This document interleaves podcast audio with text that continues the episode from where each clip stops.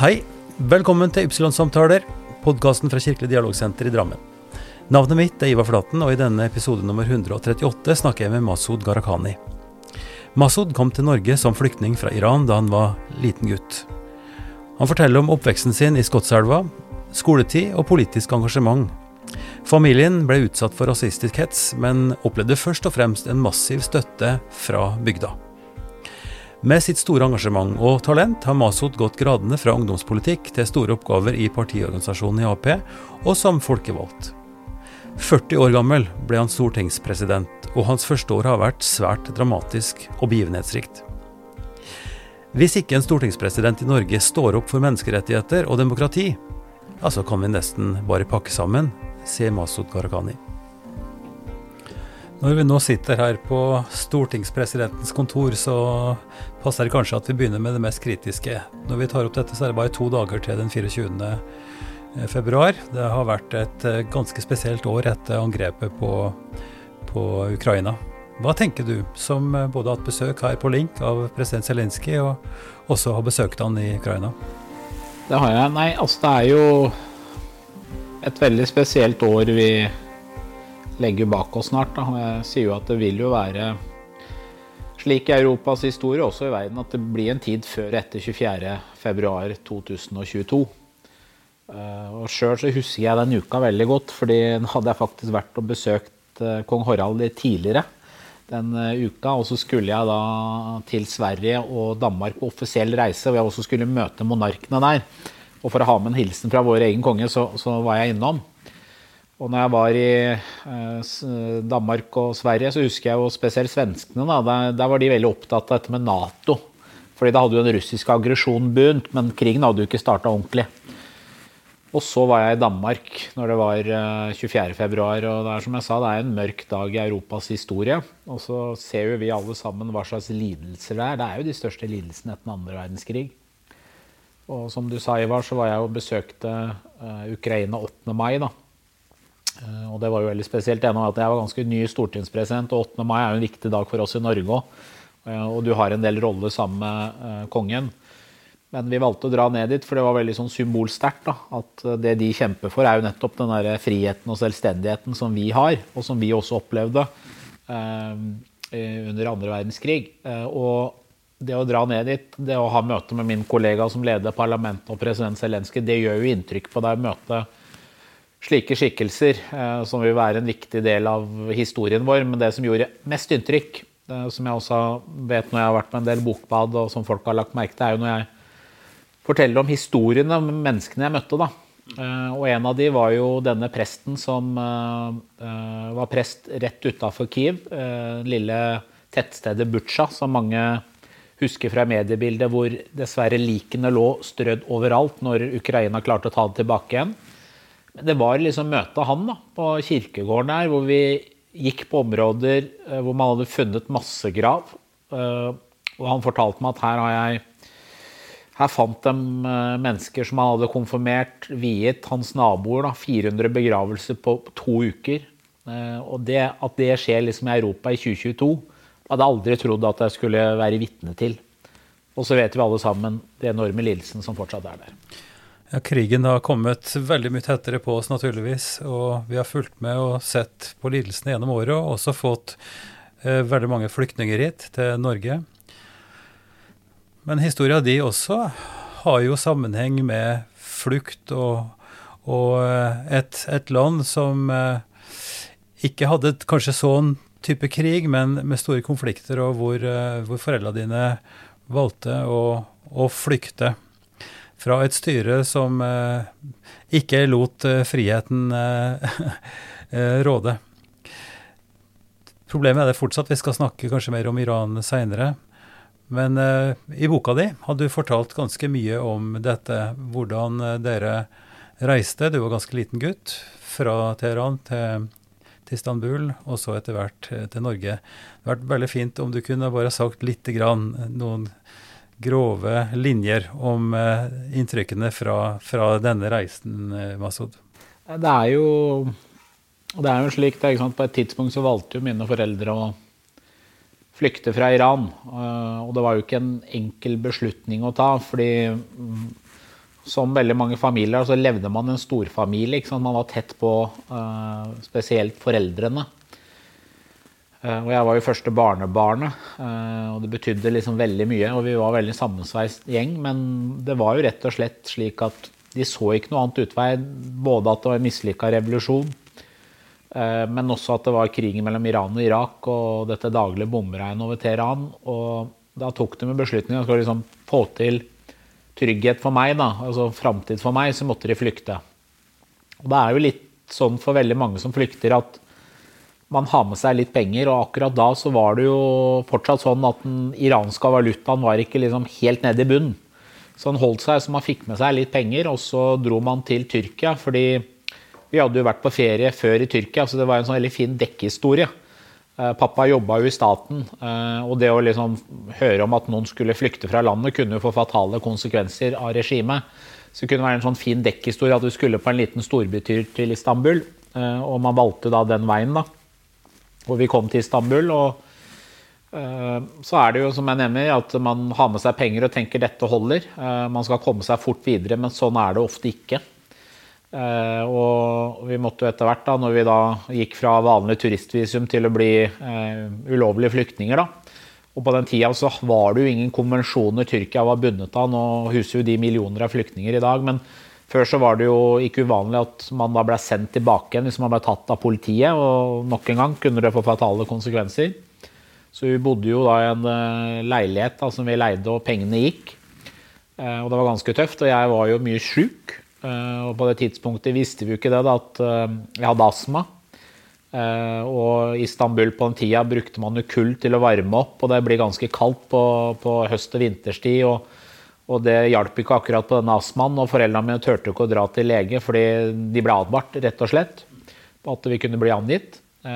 Så var vi jo heldige, da.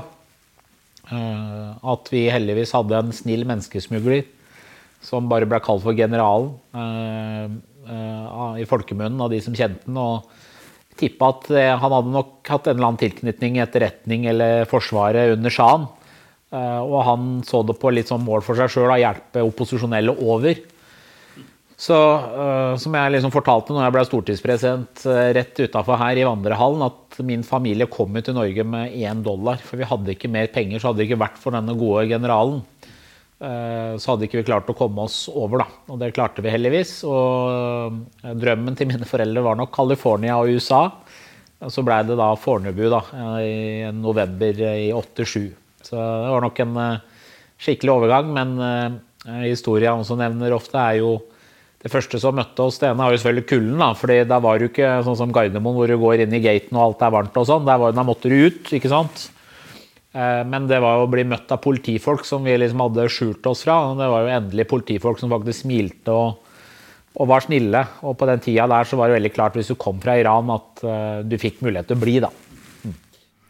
Podkasten min eh, den handler ofte om det perspektivet å komme utenfra og bli en del av et samfunn. Og nå, Masud Gharahkhani, har du gått skal vi si, gradene fra å være en liten flyktning, til flyktningebarn Eh, startet på null på et vis, med én dollar i lomma til foreldrene dine, og gått gradene i politisk aktivitet og vært, blitt stortingspresident til slutt. Etter å ha vært stortingsrepresentant, men også aktiv i politikken ellers. Og vi skal snakke om de forskjellige fasene, altså både erfaring av eh, forskjellig slags motstand, men helt opp til det som kan sies å være rett og slett hets og, og terror. Men først så har jeg lyst til at du skal si litt om foreldrene dine. Eh, Litt om, eh, om, hvordan de klarte seg til å begynne med, og kanskje litt om den, eh, det gatekjøkkenet på Hønefoss, der du etter hvert lærte å bli den grillmesteren som du nå ofte skryter av å være.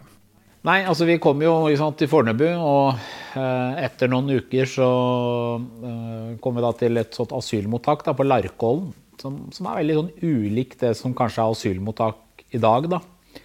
Eh, det var jo sånn institusjonsbygg, ja, men det var mange eneboliger og mye og etter hvert når det ble sommer, så var det jo epletrær og hage, og, og barna uh, hadde det veldig hyggelig. Uh, og da ble vi jo kjent med Ellen, som var da leder av asylmottaket, som jobba ekstra med både mamma og pappa, sånn at de skulle lære seg norske språket. Det var jo ikke Google Translate og alt de virkemidlene vi har, eller fars i norsk ordbok, og, så du måtte liksom lære alt fra scratch. Og så var det en som het Per Prest, da, uh, som var frivillig. Og jeg skjønte at liksom alle prester bare ble kalt for Per Prest på asylmottakene. var liksom, uh, Du het Ola eller Per, liksom. Det var litt norsk, det. Så, men han var også en sånn type da, som kom og, og drev med rett og slett frivillig leksehjelp da, for, for voksne. Og de var jo veldig dedikert. Foreldrene mine var jo sånn at noe av det de drømte om når det skulle, når, etter revolusjonen, var jo å få frihet til demokrati, men det var også å ta høyere utdanning. Så blei det mislykka revolusjon. Ikke bare det universitetene ble stengt. for for Ayatollah var liksom dette å ta utdanning. Kunne, da kunne folk begynne å utfordre oss hvis de fikk kunnskap. Og Derfor så var det veldig viktig for de liksom, de kom til Norge, det var jo at både de sjøl skulle lære seg norske språk og liksom stå på egne bein. Eh, og ikke minst at jeg skulle det. Så var det så veldig mye enklere for meg som var barn. Så vi var der åtte-ni måneder, tror jeg. Og så øh, fikk vi muligheten da, til å bosette oss både der, men, øh, men vi valgte da øh, Skotselva, da. Lille bygda på 600-700 innbyggere. Det er jo ikke så mange flere innbyggere i dag heller.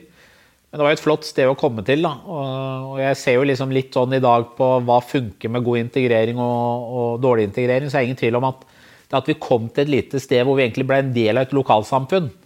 Eh, hvor disse barrierene på liksom, hvor kommer du ifra, var jo ikke altså Selvfølgelig folk spurte hvor kommer dere fra, men det var ikke så veldig viktig. Det var ikke en barriere. Folk var opptatt av å bli kjent med deg. Eh, bonusbestemor Pia, som jeg har snakket mye om. Misjonskjerka var et naturlig møtested. Uh, fotballen var møtested både for gutter og jenter. var bare et lag. Så vi ble en veldig sammensveist gjeng. da. og det betydde veldig mye for både mor og far. Eh, for de fikk jo masse råd på liksom hvordan kommer du deg i arbeid og tilbud om jobb. Og ikke minst for meg, da, hvor liksom gikk fra Masit fra Teheran til å bli Masit fra Kopperud. Og det var jo et eh, flott start da, for min familie. Og så er det jo snakk om å få seg jobb etter hvert, og det er jo ikke enkelt. Jeg eh, kjenner jo Bijan, faren din, veldig veldig godt, og han er jo en ekstremt positiv og aktiv fyr som klarer det meste.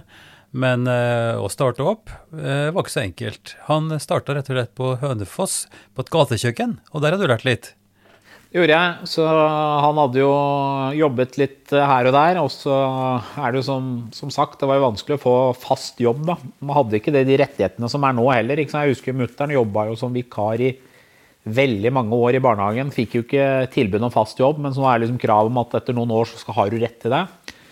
Og etter hvert da så uh, fikk pappa muligheten til å uh, jobbe i gatekjøkken, og, og, kjøpte etter hvert dette gatekjøkkenet. Så, og der kom jo jeg da i helgene, da gikk jeg jo på videregående skole og hjalp til da, i Hønefoss. Og Der lærte jeg om, enda mer om mat. Jeg er jo veldig glad i mat. Alle som har sett meg, ser at jeg, jeg er kanskje litt for glad i mat.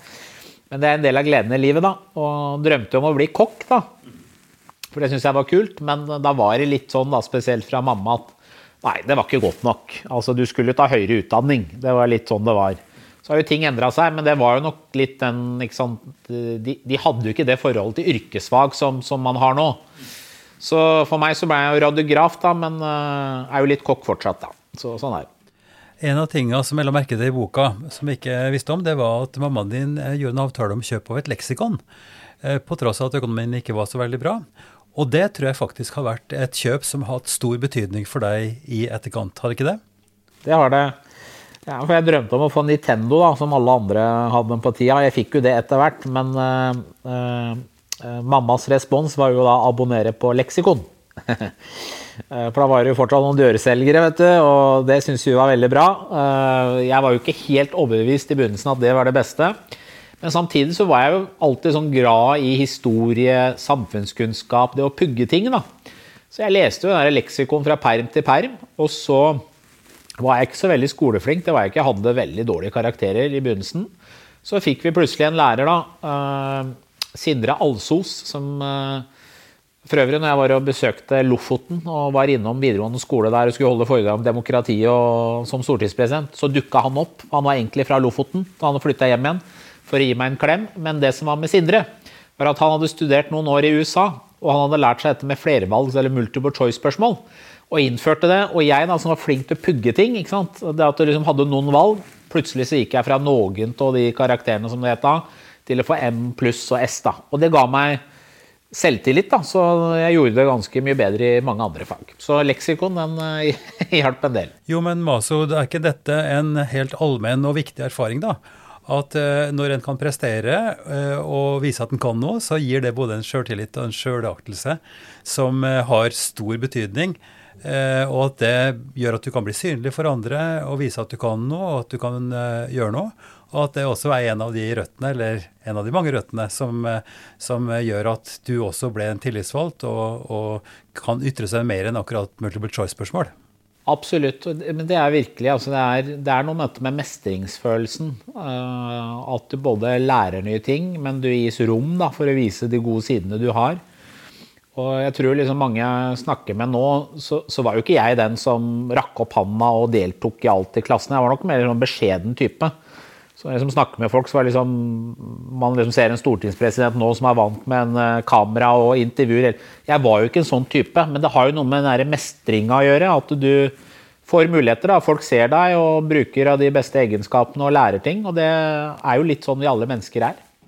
Ja, jeg tror det er en helt grunnleggende ting med oss mennesker at vi trenger å ha et, en jobb og vise at vi duger til noe. Og det må jo ha en sånn helt grunnleggende betydning òg i integreringssammenheng. ikke sant?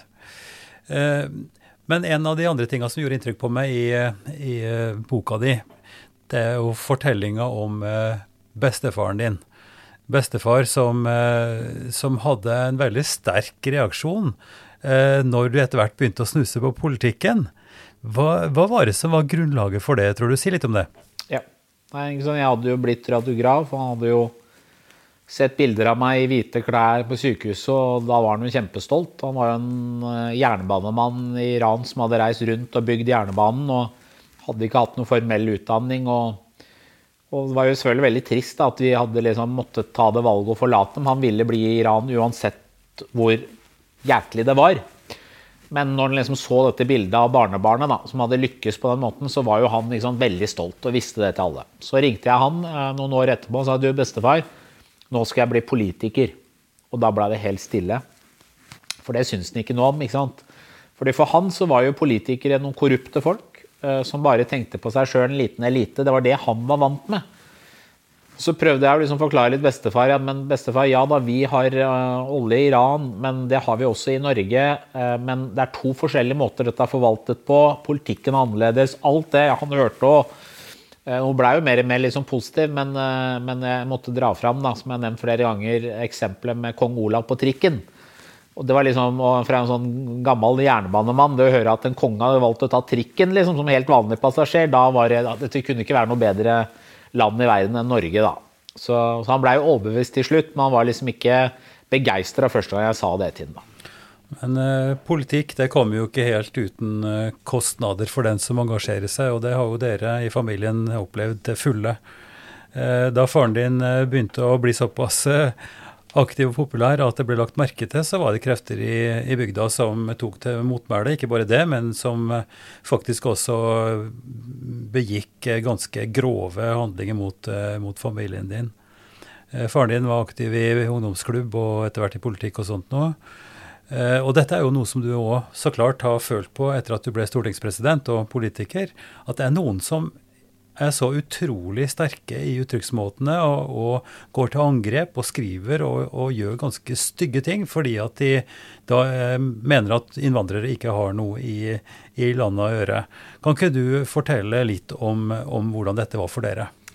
Altså over tid da, så hadde det jo dessverre vært et veldig sånn høyreekstremt miljø da, i, i Øvre Eiker. Og man hadde jo hatt mange kampanjer for å slå dette tilbake.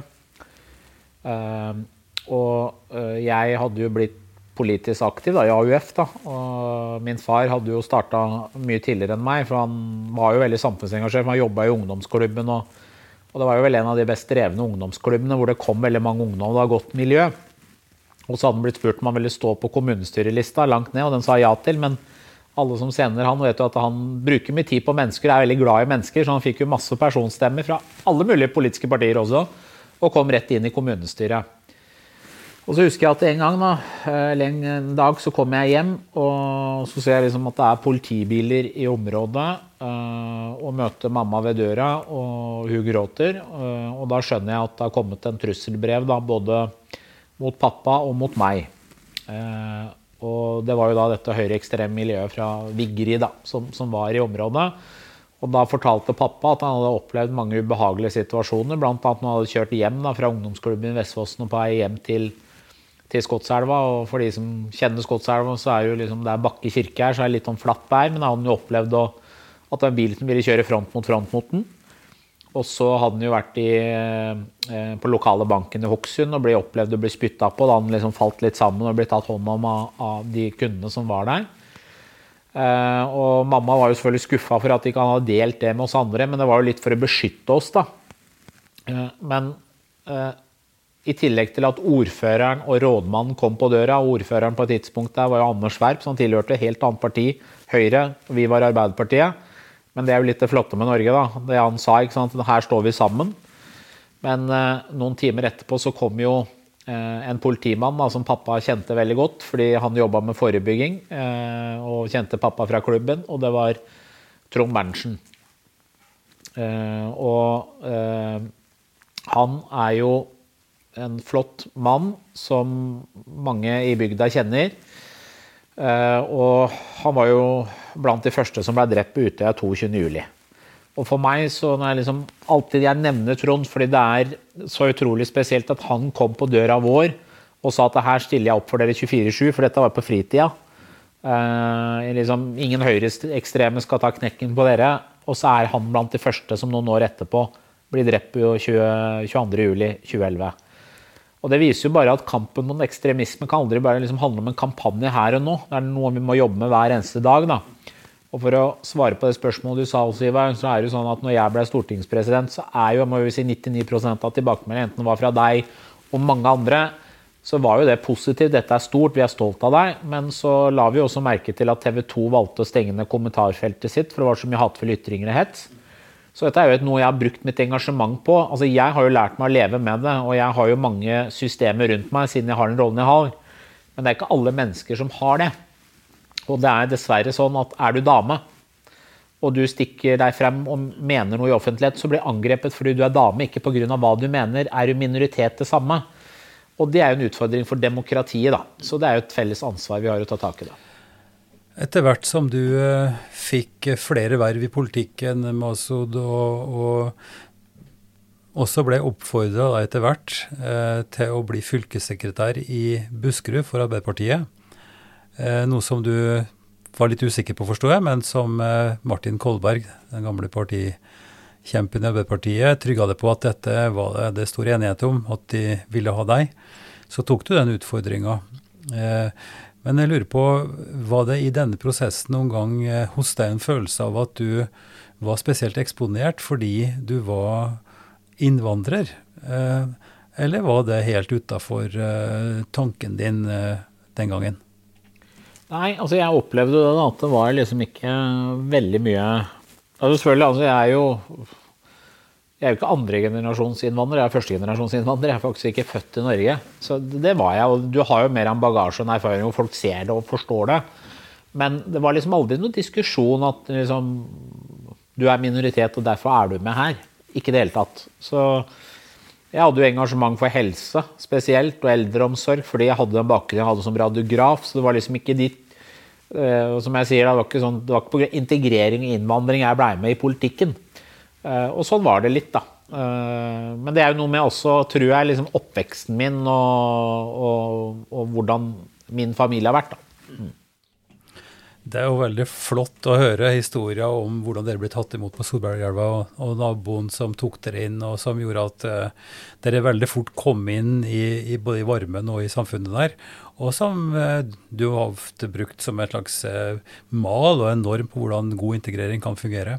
Så det er veldig fint. Men, men politikk, når du begynte med det, politikk er jo ikke for pyser, og der skal du være ganske hardhuda. og og klare å stå i, i, stormene. og Det har du virkelig gjort. Og Da du kom eh, til Drammen eh, og etter hvert var i posisjon til å kunne representere Arbeiderpartiet som ordførerkandidat i 2011, eh, da skjedde det ting der.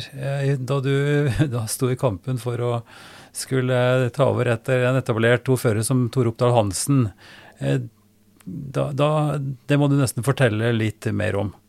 Nei, og det var jo det som var veldig uh, rart. Og det var jo selvfølgelig når du er ordførerkandidat så er du jo med pga. politikken. Ikke sant? Jeg var opptatt av å snakke om eldreomsorg og boligpolitikk. Og, og så opplevde jeg at jeg, plutselig så var det sånn at jeg måtte ut og snakke om ekteskapet mitt. Uh, og jeg er ganske sikker på at Det hadde jo ikke en hvit mann som Tore Oppdal Hansen fått samme spørsmål om. Jeg kan si det sånn, fordi selv om Tore og jeg var uh, politiske motstandere, så er vi fortsatt gode venner. Og det er jo litt sånn norsk politikk er. Respekt for hverandre. Men eh, jeg måtte jo det, fordi da gikk det jo plutselig rykter da, at øh, å ja, han øh, har gifta seg, og da må jo det være både arrangert og må være kusina, og hun går med burka eller hijab eller alt mulig sånne ting. Og det var jo ikke dette jeg ville bruke tid på, men da måtte jeg liksom plutselig da, øh, ha et intervju med lokalavisa Drammens Tidende, hvor jeg måtte snakke om dette, da. Og folk skjønte fort at det verken var kusina eller det var noe hijab inn i bildet. og alt disse tingene. Eh, og det var veldig sånn eh, sjokk for meg. da, at det er, liksom, er det virkelig dette? Og Det var jo mitt første møte med nettopp dette jeg kaller for hatefulle ytringer og hets. Og, eh, og da var det jo mye sosiale medier i begynnelsen Og, ikke sant. Så det, det, var ganske trist, da. Men heldigvis så var jeg jo heldig da, og det var jo masse flotte folk rundt meg. da, altså Lise Christoffersen, Torgeir Micaelsen og som, som, på en måte var der og både passa på meg, uh, som gjorde at uh, man klarte å komme seg gjennom det. Men og det er jo som du sier, er, politikk er ingen søndagsskole. Det er det ikke. Selv om søndagsskole kan være tøft, det òg. De av oss som har vært gjennom det. Men Og det er jo litt det jeg sier også, da. At derfor er det viktig at sånne som oss som har opplevd ulike ting, Eh, er der og snakker om disse temaene. For det merker jeg, og det er, det er alt jeg sier, er et problem for demokratiet at veldig mange vurderer å slutte. Fordi det er blitt litt tøffere, spesielt med sosiale mediers fremvekst. For det er noen ganger sånn at folk tror bare du kan sitte foran tastatur, og du ser ikke den andre personen face to face, så kan du skrive alt mulig dritt så er vi heldige da, at vi bor i et land hvor vi har ytringsfriheten. Eh, og den debatten har jeg ofte med folk. Jeg kommer på videregående skole og så får vi spørsmål om hvorfor tillater dere brenning av Koranen osv. Men, så, ja, men de har jo ytringsfrihet i Norge, sånn er det. Men samtidig da, så tenker jeg at hvis vi som nabo eller en venn ser en eller annen som skriver noe som ikke er bra, så går det an å si fra at det er lov å være uenig, det er en del av demokratiet, men gjør det med en respektfull måte. da. Og Der tenker jeg vi alle sammen kan bli flinkere. Og Der føler jeg jo at de unge har faktisk blitt litt flinkere, for dette er en del av undervisninga. Men kanskje litt 55 pluss-gruppa på Facebook eh, har en vei å gå. Mm. Jeg viser jo stadig vekk til den der boka di, eh, Masud, som jeg anbefaler virkelig. Eh, men der står det også ganske vakkert, vil jeg si, om, eh, om hvordan du traff kona di da du var og besøkte familiemedlemmer i, i Iran, i Teheran. Eh, beskriver eh, hvordan ungdom var sammen, om, om fester, om, eh, om en måte å, ja, å, være sammen på som er helt lik sånn som det er her i Norge og ellers i Vesten. som en slags undergrunnsvirksomhet da, i et samfunn hvor dette ikke er, er tillatt. og du har også vært veldig påpasselig med å, å, å skjerme kona di seinere av åpenbare årsaker, særlig nå etter at du ble president, stortingspresident. Eh, men, eh, men det er jo begrunna, fordi eh, du har faktisk, og hun, også opplevd at din synlighet og din fritalenhet har skapt reaksjoner. Ja, altså det er jo Jeg har jo etter hvert, da, og spesielt når jeg fikk den nye rollen, så har jeg valgt å skjerme familien. ikke sant, så jeg det, det, er jo litt sånn det er, og det er rett og slett fordi uh, man opplever jo sider, ikke sant. Uh, det er jo litt sånn det er når du stikker deg frem, så kommer også dessverre en del av ytterpunktene fra begge sider frem. Og det var den historien da, som jeg deler i boka, at kona mi kom hjem en gang og hadde vært, vært og handla på dagligvareren. Hvor da en person da, som var fra Midtøsten, så jeg tar liksom på en overordna plan, som, som, hadde sagt at nå må Amasu skjerpe seg eh, når han snakker om liksom, norske likestillingsverdier og sånn. Husk på at vi fra Midtøsten vi har, vi har, sånn og sånn, og damenes plass er sånn og sånn. Eh, og hun bare at Men det får du ta med han. altså Jeg er kona hans og jeg er her og handler mat. liksom, Hvorfor tar du dette opp med meg? Og så kom jeg hjem og fortalte det. Og både kona mi og sønnen min de var jo sammen. og Så snakka vi litt om det. Jeg blei litt sånn forbanna tenkte herlighet, da. Hva slags person er du liksom, som gjør sånn? Så tenkte vi ikke noe mer på det. Helt fram til en, litt tid etterpå så uh, valgte den samme personen å knivstikke kona da, i åpen gate. Hadde det ikke vært for en uh, heltmodig bartender i området som hoppa inn, så hadde hun vært drept. Og for meg så ble det en påminnelse om at uh, noen ganger så kan det være farlig òg. Og derfor så har jeg valgt å skjerme familien. Apropos farlig, i, i 2011 samme år som bruduljene med, med kona di i politikken i Drammen, så skjedde jo Utøya. Og Utøya er et sted som du har sterke forbindelser til, og du snakka om eh, Berntsen, politimannen. Eh, du skulle egentlig vært på Utøya den dagen, du? Uh, nei, altså jeg skulle jo, jeg og Torgeir da, Michaelsen, vi skulle dra sammen og høre på Gro. Det var den samme dagen som han terroristen valgte å uh, uh, dra og og gjennomførte den, den, terroren som han gjorde. da. Og da skulle vi gå og høre på Gro, og så var jeg syk. Eh, og så sa kona at nei, du, det er valgår, og nå må du liksom bli frisk, og du skal ikke gå og smitte andre. Og tilfeldighetene gjorde at jeg eh, blei hjemme og ikke dro den dagen. da. Eh, og som jeg nevnte det, så Og de første jeg nok hadde snakka med på Utøya, hadde jo vært Trond, som jeg kjente sant, fra den hendelsen vi hadde opplevd en del år før. Men også moder Utøya, da, som var Monica, som jeg kjente veldig godt. fordi jeg hadde jo sittet i sentralstyret i AUF før og jobba tett med hun. Uh, og de var jo de første som ble drept av terroristen. Uh, som skjønte at noe var, noe som, dette var ikke helt normalt når den personen kom over.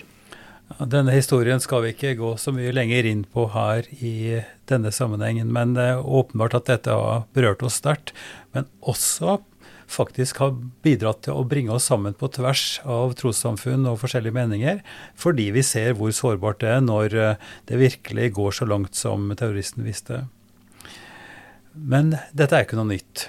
Eh, jeg syns du i boka også har tatt fram dette her med hva som skjedde i Drammen eh, ja, rundt uh, midten på 1800-tallet som en pionerarena for uh, samhold og, og, fellesskap i samfunnet, illustrert ved Markus Trane, som jobba i avisa i, i 1848, uh, lenge siden, og som på en ganske moderat måte skrev om at kanskje er ikke demokratiet her så fint som vi skulle tro, fordi at det er bare folk som eh, er rike, som har eiendom, som har stemmerett, og mange står utafor. Eh, dermed kan vi si at det er en forankring i Drammen. Eh, den gangen en erfaring av at stemmer ikke kunne nå fram. Da var ikke pga. sosiale medier, men pga. samfunnsstruktur og, og, konvensjoner og sånt. Og så da, etter at, at Markus Trane var i fengsel og, og, sånn I 30 år etterpå så, så, ble det tatt opp igjen, og et arbeiderlag ble starta. Det er en veldig stolt historie, Masud. Virkelig. Og det er jo, sant, når du er stortingspresident, så er du selvfølgelig stolt av Grunnloven. Da. Og vi har jo etter USA den nest eldste grunnloven i verden, som fortsatt styres etter. Og så kan vi tenke oss at det er kanskje en fordel at eh, de som var på Eidsvoll og skulle lage Grunnloven, hadde litt dårlig tid. Så Grunnloven vår går liksom right to the point. Hvis du leser mange andre grunnlover, så er det veldig mye ord. Eh, det er litt sånn som den paragrafen som jeg alltid snakker høyt om, og som jeg er veldig stolt av, som fortsatt står seg helt fra 1814 til nå. Det er liksom paragraf 100 ytringsfrihet skal finne sted. Og det er liksom så enkelt. Som faktisk da eh, Den paragrafen henta inspirasjon fra Buskerud og Modum. Eh, det er ikke alle som vet det. Eh, og som ble tatt med seg inn der. Men det er som du sier, det var jo sånn at eh, noen ting var veldig bra med disse eidsvollmennene. Det ene var at de var opptatt av å bygge en ny nasjon. De var ikke så opptatt av adler og grever og disse titlene. Eh, også hadde de henta inspirasjon fra amerikanske revolusjon, Den var ganske liberalt og moderne for den tida. Men eh, den var jo ikke så veldig demokratisk i forhold til representasjon. Og der har jo Drammen spilt en veldig sentral rolle på nettopp det du sa, Markus Trane. For det han skrev da som redaktør, var noe så revolusjonært da, som jeg skriver i boka, som at du kan ikke kalle grunnloven vår for demokratisk forfatning når fattige For da var det jo sånn fattige har ikke stemmerett. Og for det så blei jo han pressa ut og måtte i fengsel. Eh, men det var jo den folkelige bevegelsen da, i det arbeiderklasseområdet som, som den regionen var, som gjorde at første arbeiderforeninga kom på plass. Og, og, etter hvert så vet vi jo det, dette med representasjon og fellesskapet som kom, da. Men jeg øh, sier jo også det at 22.07. Øh, og det som skjedde i etterkant, f.eks. i Drammen, dette med at man trossamfunnet sto sammen, du hadde dette fellesskapet, det er også veldig unikt. da, At man fikk til det. For det er jo ikke en selvfølgelighet. Ofte så kan jo slike ting føre til enda mer polarisering og enda mer øh, splittelse i et samfunn. Men det er jo styrken i Norge. Og det er jo ikke så mange måneder siden heller uh, hvor vi hadde dette terroret som skjedde i Oslo.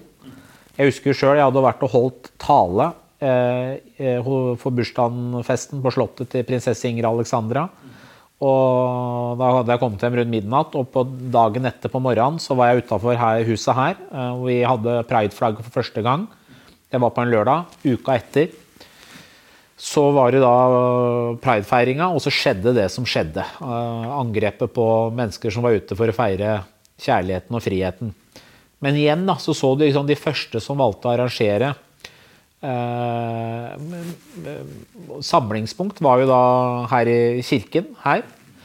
Eh, og jeg husker det gjorde inntrykk på meg når, når prestene liksom sa sjøl også at Norske kirke burde tatt et oppgjør med de holdningene mye tidligere. Det hadde ikke vært en selvfølgelighet i alle andre land at religiøse ledere hadde gjort det. Og da husker jeg jeg gikk opp og holdt en tale. Eh, fordi på veien da, eh, inn til Oslo den dagen så ringte min mor meg og sa at du kan du ringe til en person som heter Saman, eh, som er veldig lei seg. Så sa jeg men hvem er han? Nei, han jobba på London pub, sa han. Så sa jeg men det kan jeg gjøre.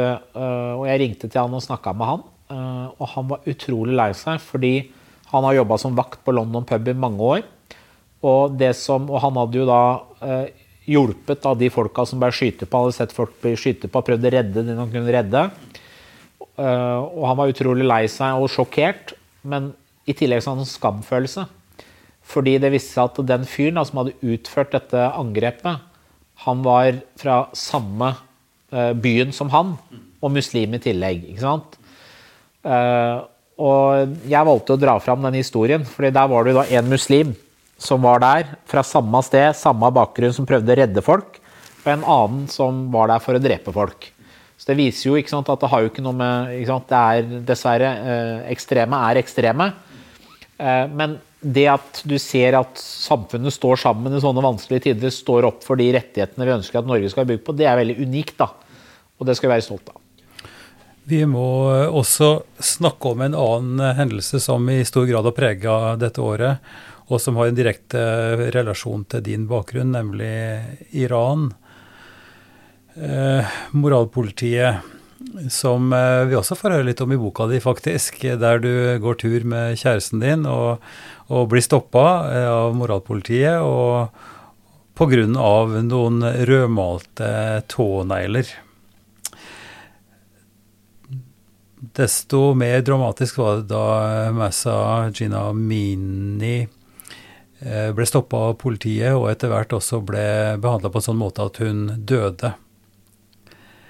Eh, jeg syns òg at det er en slags relasjon til Drammen. Eh, du skriver om Trane og det som skjedde altså litt 30 år seinere, i 1881, med en stor demonstrasjon som, som ble stoppa av politistyrker, og der det også var et drap der et menneske ble drept. Eh, altså en, enda da et eksempel på myndigheter som er så forblinda, eller som bruker makt mot borgerne.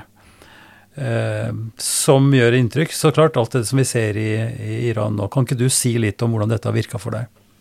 Det kan jeg. Uh, altså jeg tror det er liksom litt sånn rart å høre det uh, fra en som meg, da. Og det er jo riktig at Altså, vi er jo heldige. ikke sant? Vi, vi har demokrati, menneskerettigheter. Det er måten vi styrer landet vårt på. Ehm, så er det jo dessverre sånn at i mange steder i verden så, så er jo ikke de like heldige og har de samme verdiene som oss. Ehm, og politikk og diplomati og alt sånne ting kan gjøre en del, men de største forandringene i et samfunn det gjøres av sivilsamfunnet. Sånn har det alltid vært. Ehm, når det gjelder Masa Amini, da, så var det sånn at når jeg da ble stortingspresident, så valgte jeg da uh, persisk nyttår, da, som er sånn no ro, som det heter, valgte jeg å lage en liten sånn hilsen på farsi. hvor jeg liksom ønska folk eh, god noros, ros. Og så sa jeg det at jeg håper at en gang i framtida så skal folk som bor i samme landet som jeg er født i, ha de samme rettighetene som jeg er så heldig å i mitt land Norge. Frihet og demokrati. Og den blei jo da delt på sosiale medier og sånn, og etter det så fikk jeg en del meldinger stadig vekk fra folk i Iran. Og så uh, må vi spole litt fram da, uh, til uh, september, hvor jeg da fikk tilsendt bilder av Masa Amini, eller Gina, som da var i koma. Hun hadde ikke dødd ennå. Og når jeg så de bildene, så klarte jeg liksom ikke bare sitte rolig. Det var noe i hele meg som sa at du, nå må du reagere. Og da lagde jeg en veldig sånn enkel video da, på terrassen i Drammen på Åsia, hvor jeg sa det samme. Nettopp dette med demokrati og frihet og hva var revolusjon skulle gi. Det skulle liksom nettopp gi det. Det gjorde det ikke. Eh, det skulle, oljepengene skulle brukes på å bygge opp velferdsstat. Det har det absolutt ikke gjort. Det har gått til korrupsjon. Jeg sa også at Masa Amini er dessverre én av mange eksempler på unge menneskers eh, skjebne under det regimet. Og jeg visste jo hva jeg gjorde, men det ikke jeg hadde regna med, at det skulle bli sett av millioner av mennesker på kort tid. Uh, og jeg er glad for at jeg brukte min stemme, fordi jeg sier jo alltid da, Jeg sitter her og leder møtene som stortingspresident og hører lyden av folk på Eidsvolls plass hver eneste dag, enten det er uh, for Ukraina eller det er for Iran eller det er for bildet strømprisen er en del av demokratiet vårt, ytringsfriheten. Mens unge mennesker i Iran blir jo møtt med kuler. Eh, de blir drept, de blir slått. Eh, og det er trist å se, og for dem så betyr det jo veldig mye da, at det internasjonale samfunnet, at det finnes sånne mennesker som meg, som har vært så heldige å ha de mulighetene, at vi velger å bruke stemmen vår for at de skal få litt av den samme friheten vi er så heldige å ha. Jeg tror ikke det er feil å si at uh, du har gått inn i den rollen som stortingspresident på en litt annen måte enn det vi har sett uh, fra tidligere presidenter. Uh, kanskje med noen andre premisser, som du også, tror jeg, ga uttrykk for da du ble spurt om du kunne tenke deg å komme i betraktning for å bli president. Jeg har hørt stemma di i i Rotary Klubb i Drammen. Jeg ser at du reiser rundt til ungdommer rundt omkring. Og du er i Ja, hvilke sammenhenger er du ikke er? Du er overalt. hvordan tenker du, og hva var det du la som premiss da du etter hvert kom i betraktning? vil du si noe om det? Og også noe om avveiningene når du nå bruker stemmen din såpass tydelig også, i, ikke bare nasjonalt, men også internasjonalt? Nei, det er jo altså Det jeg sa, er at uh, så Jeg visste jo ikke sant, hva det ville innebære med tanke på det man måtte stå i på opprydningsarbeid og alle de prosessene. Jeg sa også at jeg ville bruke den rollen til å få frem det som gjør meg mest stolt av Norge, og det er jo nettopp demokrati, friheten, velferdsstaten. Og at jeg hadde lyst til å møte folk uh, og, og, snakke om disse temaene. sånn at Uh, uh, og det var jo det jeg gikk inn med, da, som, som liksom et utgangspunkt. Så er det som du sier, da, det har jo vært forskjellige stortingspresidenter i Norges historie, og det er ikke noe gærent, vi er forskjellige mennesker. Og sånn er det, men jeg har valgt den, den, den rollen jeg har nå, da. og jeg merker jo at liksom mange fikk med seg den tålen jeg holdt i vandrehallen, hvor jeg nettopp snakket om både dette med at vi kom til Norge med én dollar i lomma, og foreldra mine som, som, da hadde begynt på jordbærprokle, til mamma hadde gullklokka, men også at noen ganger tar vi ting for gitt i Norge. Frihet og demokrati.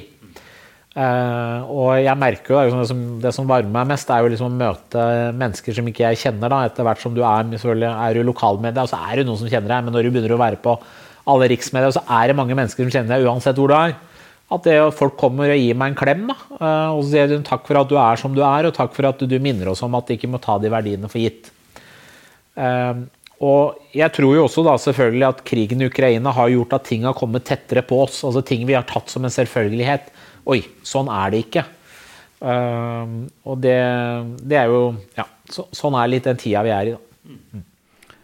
Har du måttet ha kjempa for denne måten å være stortingspresident på? Har du opplevd noen kontroverser rundt det? Eh, en kan jo kanskje si at eh, stortingspresidenten skal være alles eh, president. Og kanskje være litt tilbakeholden med å ytre seg, sånn som vi allerede har snakka om. Mm, særlig kanskje i utenrikspolitikken og sånt. Så det er noen dilemmaer. Har du lyst til å si noe, noe mer, mer, om det? Nei, altså Det er jo som jeg har sagt uh, hele veien, da, at uh, hvis ikke en stortingspresident i Norge står opp for menneskerettigheter og demokrati, så kan vi jo nesten bare pakke sammen. Altså, men det er jo Det mener jeg faktisk, og det skal vi stå opp for. og Altså jeg tror Det som bekymra meg mest da, når jeg skulle bli stortingspresident Du er 40 år, det er jo liksom vanligvis er du godt voksne folk. Og er jo ikke uvanlig at noen begynner å være på vei ut av politikken. Det å liksom Oi, skal jeg, altså, nå skal ikke jeg delta i spisse politiske debatter. Uh, men jeg mener jo at liksom, hvis jeg tenker på siste året vi nå har lagt bak oss, da, som jeg har vært stortingspresident, så er det jo så mange saker som forener oss. Det at her i salen, uh, i lagtingssalen i forrige uke sto alle politiske partier da, omtrent sammen med regjeringen og lanserte en Nansen-pakke til Ukraina på 75 milliarder, viser jo litt hvordan vi i Norge er. Så poenget mitt er at jeg ser jo at det er nok verdier og nok saker som forener oss. Eh, og ja da, det har jo helt sikkert vært folk som har ulike meninger om det, men, men jeg er som jeg er, da. Eh, og har ikke tenkt å forandre det. Nei. Det er helt sikkert mange som er glad for, og det vet du jo. Jeg har lyst til å dra et, et litt lengre perspektiv her også, som kanskje har med det samme å gjøre. Når vi eh, som aktive og engasjerte mennesker tar tak i ting, forsøker å gjøre noe. Det kan være snakk om eh, samtaler mellom ulike troende i, i dialogforum, eller andre aktiviteter. Jeg møtte jo besteforeldrene utafor. Besteforeldre for fred, og vi vet om besteforeldre for eh, klima. Mange forskjellige saker, og veldig store saker. Eh, og krigen og miljøtrusselen, det er så mange ting som vi ikke kan gjøre noe med.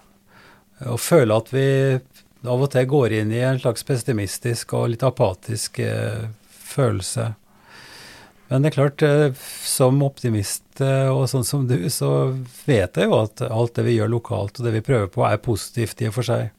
Men hva vil du si, som, eh, som Masud Gharahkhani og som eh, stortingspresident? Er vi robuste nok? Hva gjør vi? Hva kan uh, du og politikere bidra med for at vi skal kunne holde sammen nå i møte med de store utfordringene? Stortinget har nå vedtatt 75 milliarder til, til å hjelpe Ukraina, og det er flott. Vi har oljeformuen. Men hvordan kan vi bygge og, og sørge for at vi står sammen nå for å møte de utfordringene som uh, møter oss? For de uh, blir større etter hvert, tror jeg. Jeg begynner med å svare spørsmålet på følgende måte. Det ene er at jeg føler på ansvaret, og det tror jeg veldig mange politikere gjør. fordi vi er jo veldig sånn definerende tid, da. Uh, ja da, jeg, jeg, er født i et land med krig og har opplevd det, men hvis vi tenker på om den generasjonen jeg tilhører, som har liksom blitt voksen etter Berlinmurens fall, så har jo vi stort sett bare opplevd oppgangstider. Mens nå er det oi, det er krig, det er energikrise, det er krise etter krise. Vi har akkurat lagt bak oss en pandemi. Og det jeg vet, er at alt vi nå gjør av politiske beslutninger, det påvirker ikke bare ett eller to års periode, det kommer til å påvirke generasjoner. Så det er et stort ansvar vi har, da.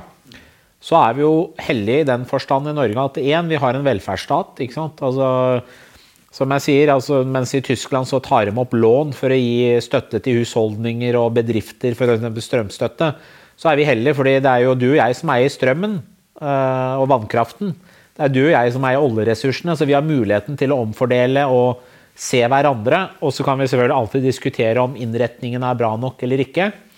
Men jeg merker jo det at det er veldig mange som opplever en usikkerhet i hverdagen. Eh, og det har jo vi et ansvar da, som politikere å ta tak i. Eh, og det er viktig, da. Altså, for meg så er det hjerteskjærende når jeg var sammen med Kirkens Bymisjon Eh, og møtte hun mora som hadde tatt bussen helt fra Sigdal til Drammen for å hente noen julegaver til barna hennes.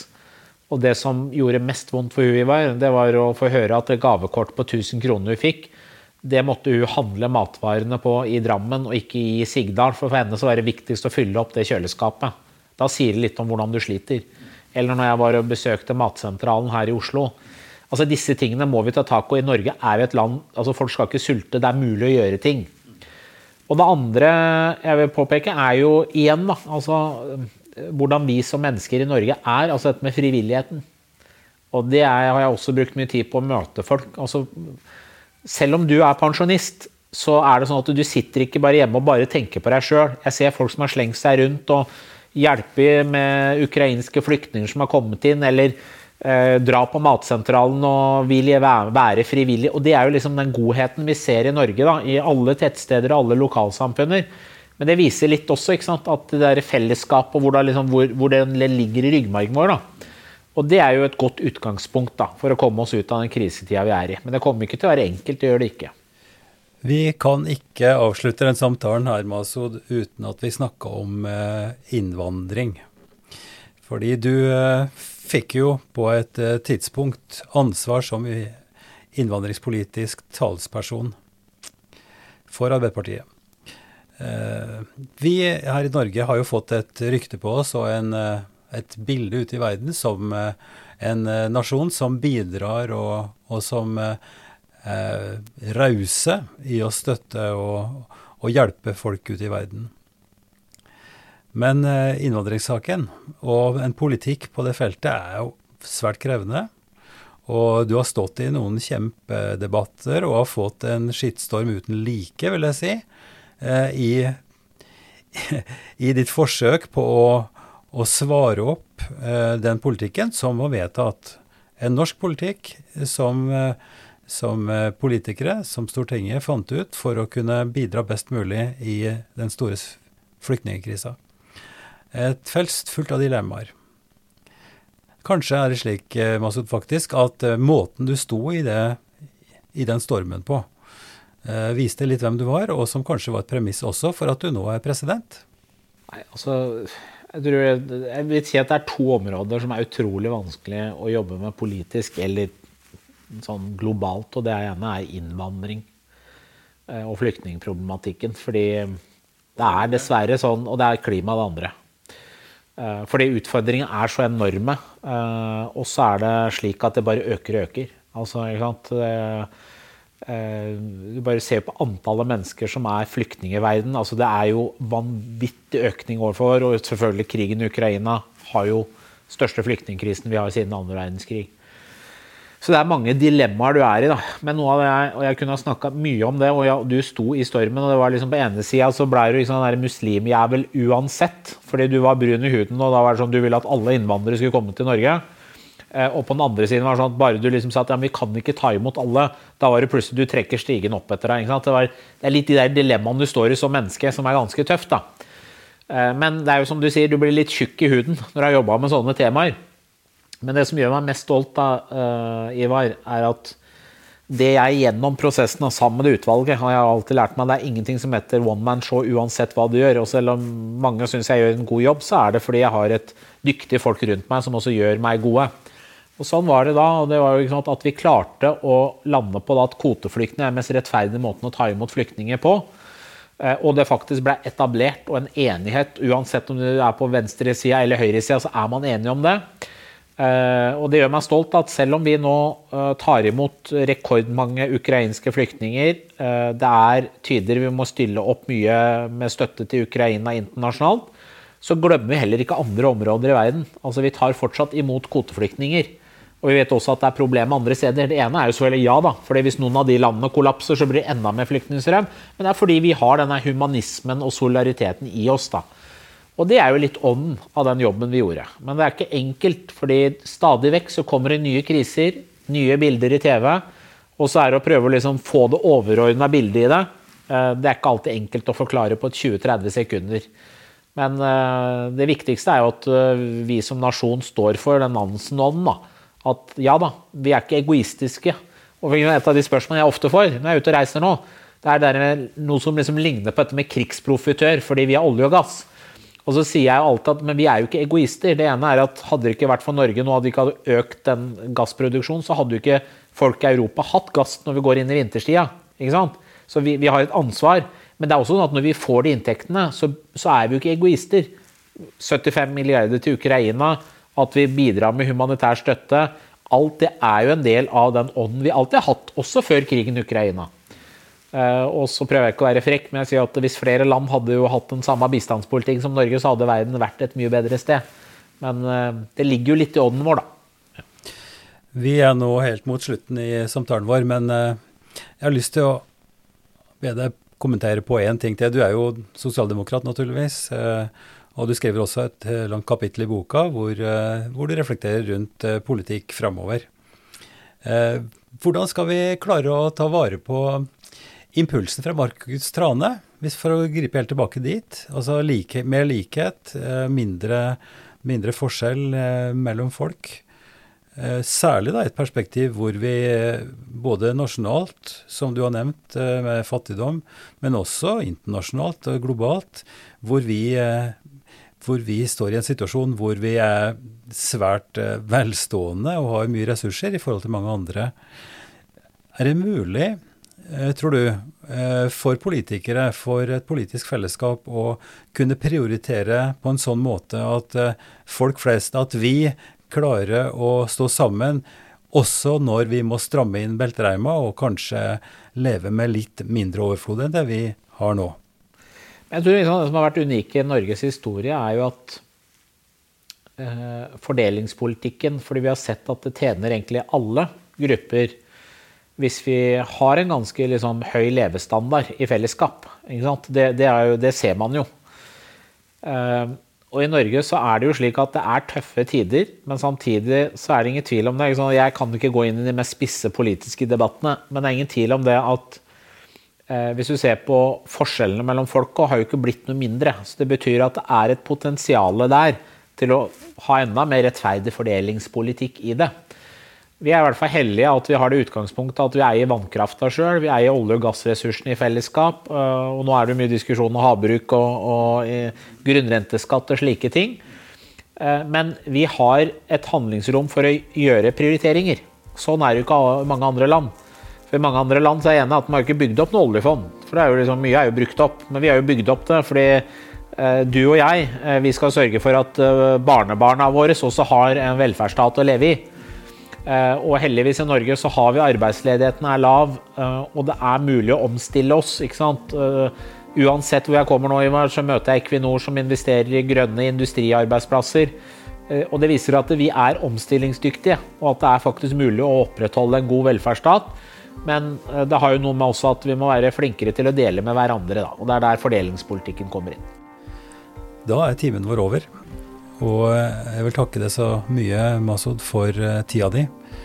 Eh, det er en ære å få sitte her på, på, kontoret ditt i Stortinget og snakke om viktige ting. Så vil jeg ønske deg alt godt i eh, den viktige jobben du har fått.